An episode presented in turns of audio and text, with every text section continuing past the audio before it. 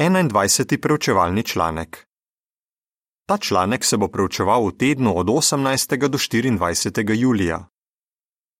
Razodetje, kaj pomeni za tvojo prihodnost? Tematski stavek: Amen, pridi Gospod Jezus. Razodetje 22:20. Pesem 142: Oklepajmo se upanja. Povzetek. To je zadnji od treh člankov o knjigi Razodetje. V tem članku bomo videli, da tiste, ki bodo ostali zvesti Jehovu, čaka svetla prihodnost. Tisti, ki bodo nasprotovali Božji vladi, pa bodo doživeli ponižujoč konec.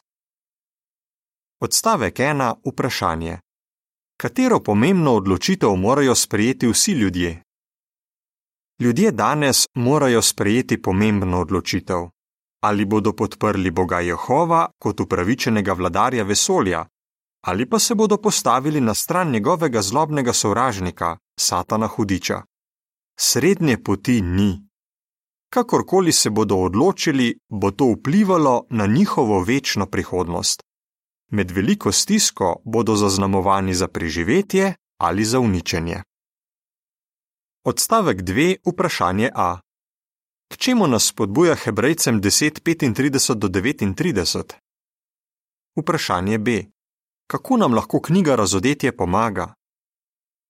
V Hebrejcem 10:35 do 39 piše: Zato bodite še naprej pogumni, saj boste zato bogato nagrajeni.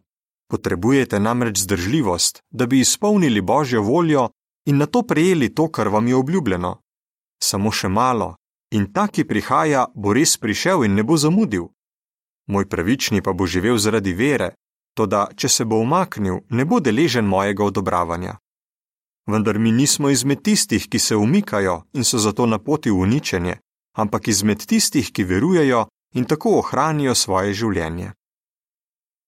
Če podpiraš Jehovovo vladanje, si sprejel modro odločitev. Zdaj bi rad pomagal še drugim, da bi se prav odločili. Pri tem lahko uporabiš informacije iz knjige Razodetje. Ta izjemna knjiga odkriva, kaj se bo zgodilo s tistimi, ki nasprotujejo Jehovu, in poudarja, kako bodo blagoslovljeni tisti, ki zvesto podpirajo njegovo vlado. Dobro je, da si vzamemo čas za te pomembne resnice in razmišljamo o njih. Tako bomo še bolj odločeni služiti Jehovu. Poleg tega lahko s svojim znanjem pomagamo drugim, da se bodo prav odločili in pri tem ustrajali. Odstavek 3. Vprašanje. Kaj bomo pregledali v tem članku? V tem članku bomo odgovorili na naslednji vprašanji.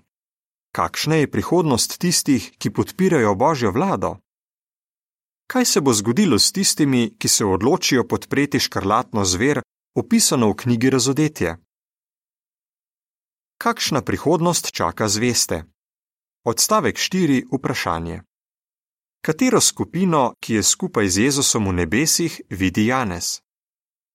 Apostol Janez v videnju vidi dve skupini, ki podpirata Jehovovo vlado in sta nagrajeni z večnim življenjem. V prvi skupini je 144 tisoč posameznikov. Vzeti so zemlje, da bi skupaj z Jezusom sestavljali vlado oziroma kraljestvo v nebesih. Z Jezusom bodo vladali zemlji. Janez v videnju opazi, da z Jezusom stojijo na nebeški gori Sion. Odstavek 5. Vprašanje. Kaj se bo kmalo zgodilo z maziljenimi kristijani, ki še živijo na zemlji?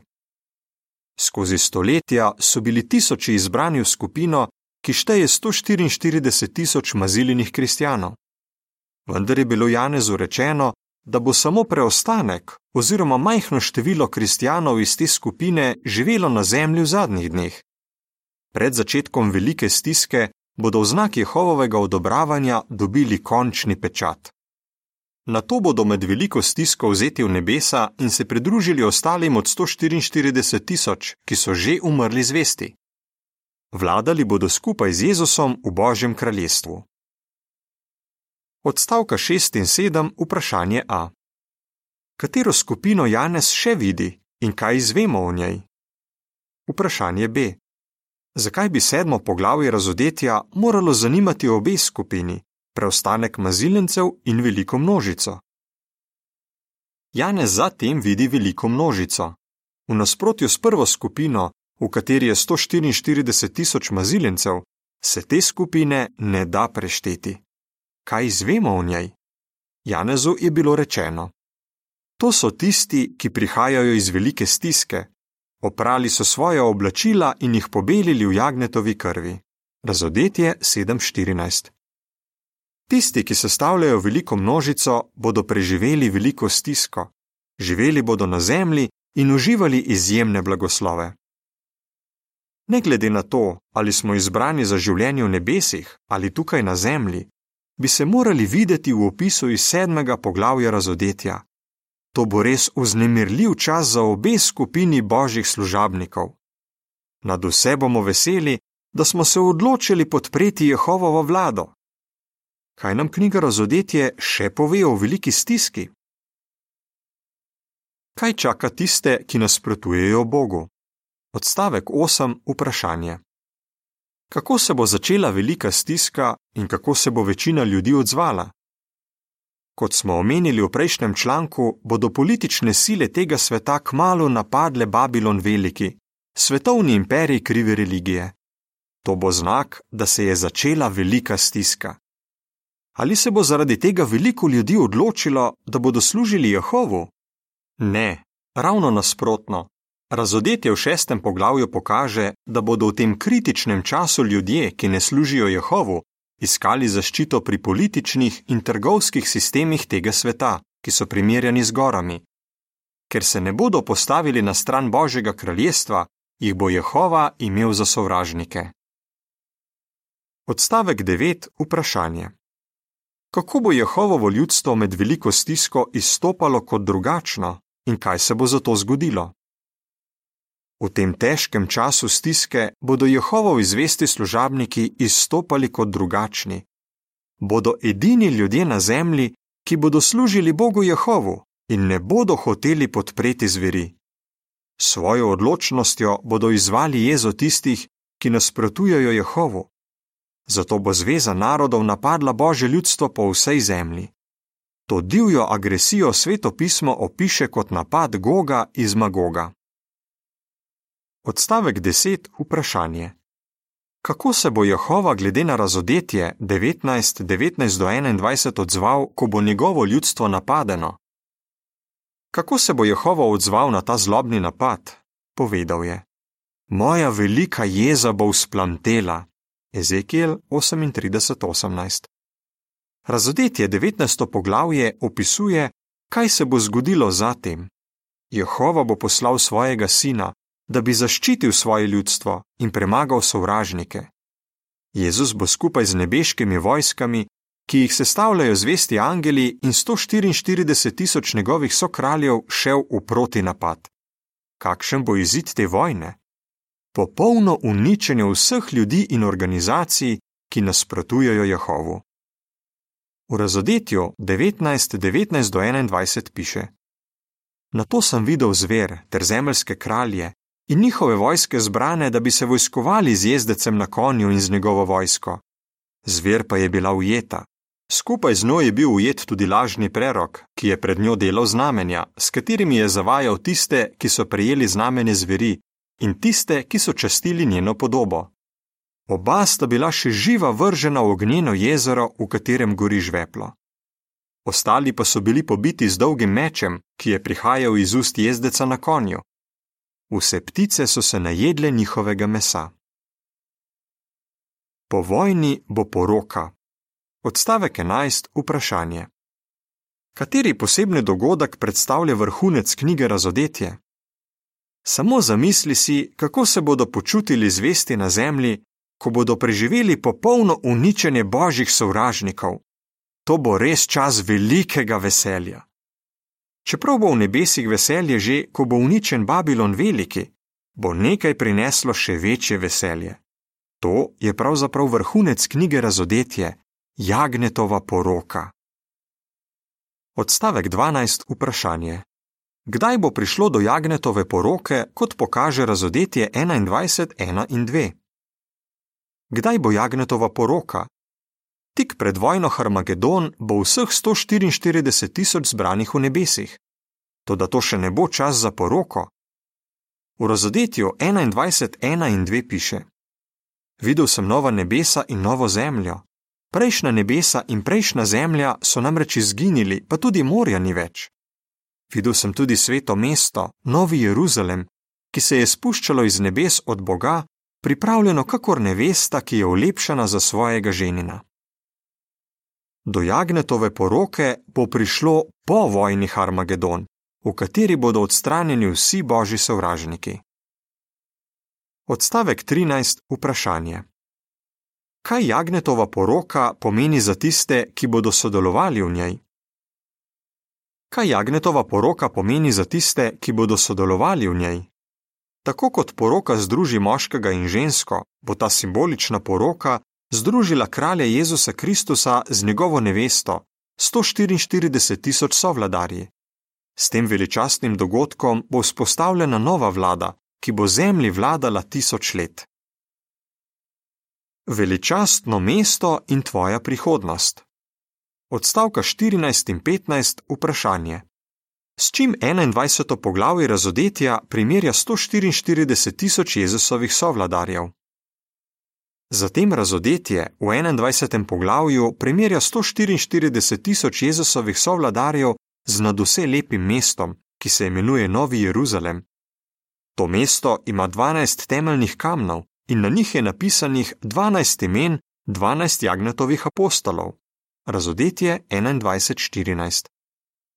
Zakaj ta prizor pritegne Janezovo pozornost?